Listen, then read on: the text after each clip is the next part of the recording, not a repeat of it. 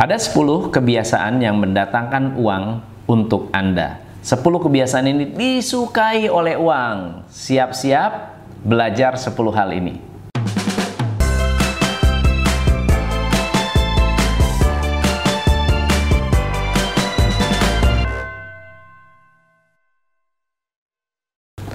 Kebiasaan yang pertama adalah kebiasaan untuk menjadi lebih baik. Uang suka orang yang lebih baik. Kalau nggak percaya, coba tanya pada diri Anda sendiri. Kalau ada orang yang lebih baik, Anda mau bayar lebih baik atau tidak? Pastinya kita akan bayar orang yang lebih baik.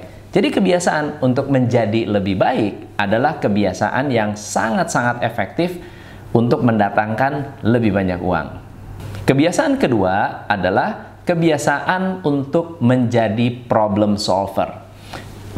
Kebiasaan menjadi problem solver bukan hanya menjadi problem solver untuk hal-hal besar.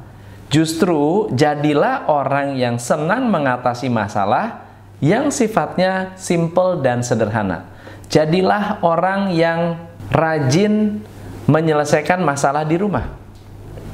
Jadilah orang yang senang membantu orang yang punya masalah. Jadilah orang yang senang menemukan solusi-solusi kreatif. Uang suka orang yang menyelesaikan masalah. Kalau Anda punya masalah, Anda punya uang, Anda akan membayar orang yang punya solusi. Yang ketiga, kebiasaan melatih pikiran. Pikiran kita seperti otot kalau dilatih, makin kuat.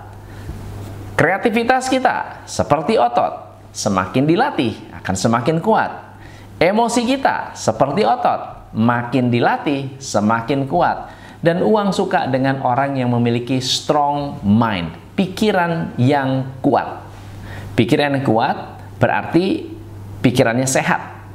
Pola pikirnya berprinsip dan memiliki kreativitas.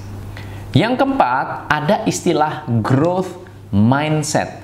Growth mindset adalah orang-orang yang tidak pernah mempermasalahkan hal kecil. Tidak pelit dengan hal-hal kecil. Dia melihat kalau ada masalah kecil, tidak dibesar-besarkan. Kalau ada masalah besar, tidak dianggap hambatan, tapi dianggap sebagai alat untuk membuat diri menjadi berkembang. Ada yang namanya fixed mindset yang merasa bahwa nasib itu tidak bisa dirubah. Growth mindset adalah orang-orang yang percaya bahwa nasib itu bisa berubah jika kita mau berubah. Yang kelima, uang suka orang yang menemukan peluang baru. Namanya uang, dekat dengan peluang. Kalau Anda ingin mencari peluang, Anda selalu menemukan cara untuk menemukan peluang baru, uang akan dekat-dekat dengan Anda. Uang akan mendekati Anda dengan sangat-sangat mudah. Mungkin tidak bentuknya uang, tapi orang-orang yang suka dengan peluang yang Anda miliki akan mengajak Anda bekerja sama. Yang keenam, uang suka dengan segala sesuatu yang membangun. Belajarlah membangun sesuatu, membangun karakter, membangun orang, membangun properti, membangun sekolah, membangun uh, kemakmuran, segala sesuatu yang sifatnya membangun uang suka, dan uang akan dekat dengan orang yang senang membangun. Yang ketujuh, Uang tidak suka yang bertele-tele. Uang suka yang efektif. Kalau Anda punya kebiasaan efektif, kalau nggak perlu nunda, ngapain nunda? Kalau nggak perlu menunggak, buat apa menunggak? Ketika Anda menunggak, sering kali menunda, sering kali ingkar janji, uang itu akan menjauh dari kita. Tapi ketika kita menjadi orang yang efektif, tidak menunggak, tidak menunda, maka uang akan mudah bersentuhan dengan kita, bahkan bisa ngejar-ngejar Anda. Yang kedelapan adalah sifat rasa ingin tahu. Rasa ingin tahu berarti Anda tidak pernah merasa bahwa ilmu Anda sudah habis. Anda merasa bahwa semua yang Anda ketahui sudah habis. Ah, saya udah tahu. Ah, itu saya udah tahu. Ah, itu saya udah tahu. Nah, orang yang rasa ingin tahunya tinggi selalu berpikir, gimana caranya saya bisa tahu lebih dalam lagi? Saya lebih kenal manusia, lebih dalam lagi. Apakah saya kenal konsumen saya? Gimana cara saya rasa ingin tahu saya tentang customer-customer saya lebih mendalam lagi. Rasa ingin tahu saya tentang dunia marketing lebih dalam lagi.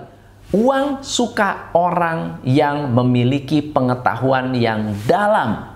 Untuk punya pengetahuan yang dalam, Anda harus punya rasa ingin tahu yang besar. Yang kesembilan, ketika Anda tidak memiliki banyak ilmu, banyak pengetahuan, rasa ingin tahu, anda bisa membaca buku. Ada kebiasaan yang menarik, ada sebuah research dari uh, Thomas Crowley Research bahwa 85% billionaires membaca dua buku setiap minggu atau setiap bulannya. Mereka selalu mencoba untuk mengapresiasi ilmu pengetahuan dan ingin belajar dari orang yang lebih berpengalaman. Dan yang terakhir yang ke-10, menjadi seorang leader yang memberi contoh. Menjadi orang yang bisa menjadi inspirasi. Inspirasi ini bukan berarti menjadi motivator, tetapi apa yang Anda lakukan menjadi inspirasi untuk orang lain, apa yang Anda lakukan menjadi sebuah pembelajaran buat banyak orang, tapi sekaligus juga menjadi contoh yang positif untuk banyak orang. Contoh yang positif minimal untuk anak sendiri, untuk keluarga sendiri, untuk tim Anda sendiri. Dan 10 habit ini mudah-mudahan bisa memberikan Anda semangat dan juga membuat Anda lebih dekat dengan kemakmuran. Saya Tom MC Ifle, salam pencerahan. Hanya di Top Coach Indonesia.